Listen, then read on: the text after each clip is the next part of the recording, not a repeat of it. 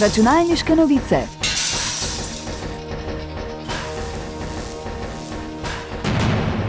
Prisluhnite novostim in zanimivostim z področja računalništva.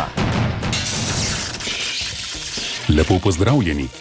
Odstotek iger kupljenih na spletu znaša že kar 80 odstotkov.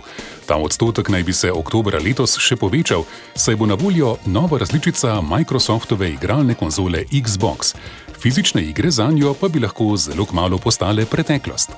Microsoft je namreč pred kratkim odpustil 2000 zaposlenih, velika večina naj bi bilo tistih, ki so bili odgovorni za distribucijo iger v fizični maloprodaji. Številne trgovine po Evropi so v zadnjem času zmanjšale fizično ponudbo iger ali pa kar v celoti naredile prehod na digitalno distribucijo. Ali enaka usoda čaka tudi Sony oziroma igre za PlayStation? Za zdaj Sonyjevim igram kaže bolje. Franšiza Spider-Man je večino prodaje beležila v malo prodaji, kar pomeni, da bo vsaj za zdaj Sony ostal pri fizičnih kopijah iger. Računalniške novice. Tehnološki milijarder Elon Musk trdi, da je njegovo podjetje Neuralink uspešno implantiralo enega od svojih brežičnih možganskih čipov. V objavi na X-u, nekdanjem Twitterju, je zapisal, da je bila po postopku zaznana obetavna možganska aktivnost in da pacijent dobro okreva. Cilj podjetja je povezati človeške možgane z računalniki in tako pomagati pri reševanju zapletenih nevroloških stanj.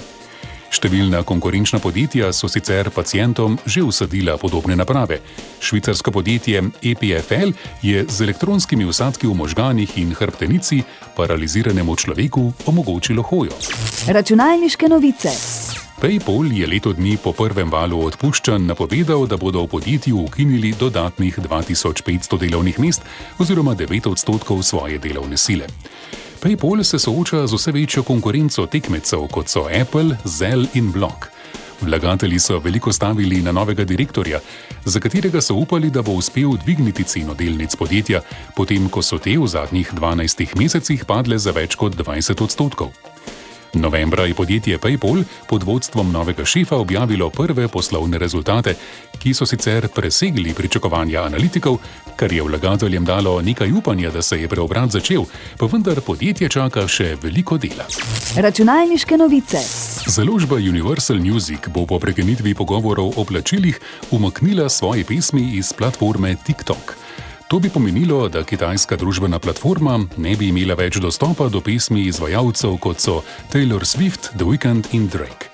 Universal je TikTok obtožil ustrahovanja in dejal, da želi za dostop do obsežnega kataloga plačati le delček cene, ki jo plačujejo drugi družbeni mediji. Čeprav ima TikTok več kot milijardo uporabnikov, predstavlja le en odstotek vseh prihodkov podjetja Universal, je dejala založba. V odprtem pismu skupnosti izvajalcev in avtorjev pesmi je Universal, ki nadzoruje približno tretjino svetovne glasbe, zatrdil, da skuša TikTok zgraditi podjetje, ki temelji na glasbi, ne da bi za njo plačal pošteno ceno. Računalniške novice. Hvala za vašo pozornost in lepo zdrav do naslednjič. Novosti in zanimivosti je za vas pripravilo uredništvo revije Računalniške novice. Prisluhnete nam lahko ponovno naslednji teden ob istem času.